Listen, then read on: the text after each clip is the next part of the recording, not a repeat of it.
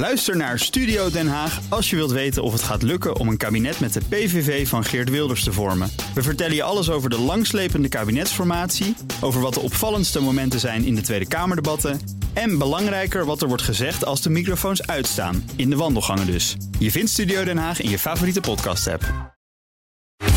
Tech Update. En Connor Klerks is bij ons. Hey Connor. Hey, goedemiddag. Voor het laatste technieuws. Ja, we beginnen bij, een, bij het faillissement van cryptobeurs FTX. Want daar zijn nogal veel schuldeisers. Ja, dat kun je wel zeggen. The Guardian schrijft over het eerste document dat FTX heeft ingediend over het faillissement. En zij verwachten zelf meer dan een miljoen individuele schuldeisers te hebben. In het document uh, wordt verder bevestigd dat de oprichter en CEO Sam Bankman-Fried om half vijf op vrijdagmiddag officieel is opgestapt.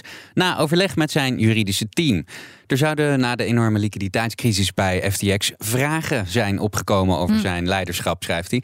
En uh, zijn omgang ook met de middelen van FTX. Ja, daar kan ik me wel iets bij voorstellen dat daar wat vragen over waren.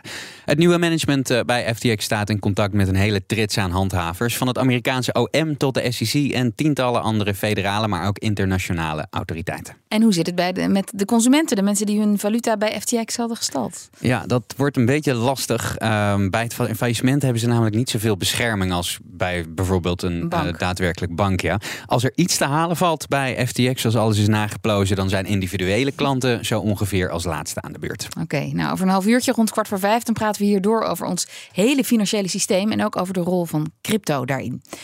Maar nu eerst naar een ander wankelimperium. Twitter. Ja, het uh, nieuwe Twitter onder Elon Musk komt mogelijk op korte termijn in grote problemen in Europa met het naleven van de privacywet AVG.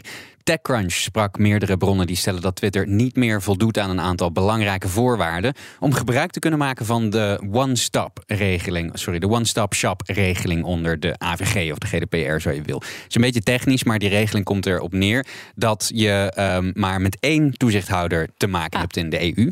In uh, Twitters geval uh, de Ierse, omdat Twitter net als veel andere grote techbedrijven daar hun Europese hoofdkantoor hebben staan.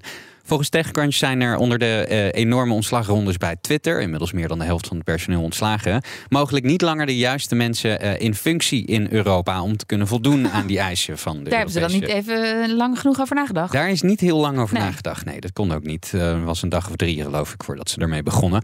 Een aantal sleutelfiguren bij de compliance afdeling die met dit soort zaken aan de slag moet, is zelf opgestapt, waaronder de Chief Compliance Officer. En snel een vervanger vinden daarvoor kan ook lastig zijn. Als jij verantwoordelijk bent voor het naleven van regels, is het misschien niet meteen superleuk om onder Musk te werken nu. Omdat hij eigenlijk elke dag uh, lukraakfuncties schrapt of toevoegt zonder waarschuwingen vooraf. Wel een uitdagende baan. Dat ja, als je, als je spanning en sensatie zoekt. Zeker. Dan, uh... Maar goed, wat gebeurt er dan als Twitter niet meer voldoet aan die eisen voor die one-stop-shop regeling? Ja, dan wordt het helemaal chaos bij uh, Twitter. Want dan kunnen waakhonden en regelgevers in alle 27 lidstaten los van elkaar verzoeken insturen uh, voor meer informatie. Maar ook dus regels opleggen en handhaven met bijvoorbeeld boetes.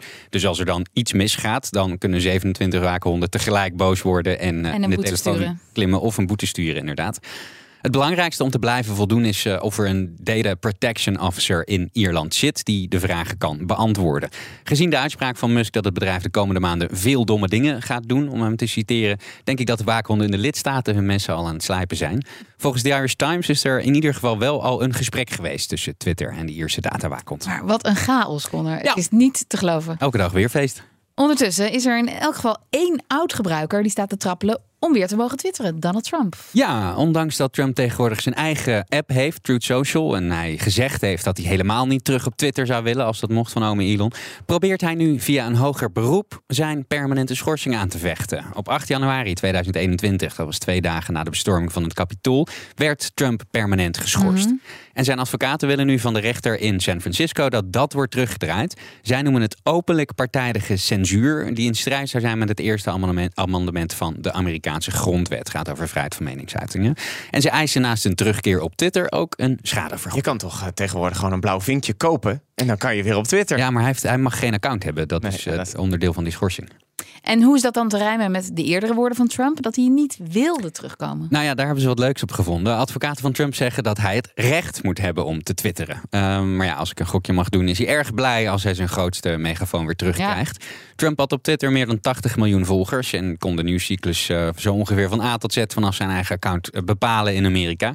Op Truth Social heeft hij er maar een paar miljoen en dat uh, gaat niet helemaal lekker financieel met Truth Social. Dus hoe lang dat platform nog in de lucht is, is nog maar de vraag. Dankjewel, Connor Klerks. De BNR Tech Update wordt mede mogelijk gemaakt door Lenklen. Lenklen. Betrokken expertise, gedreven resultaat.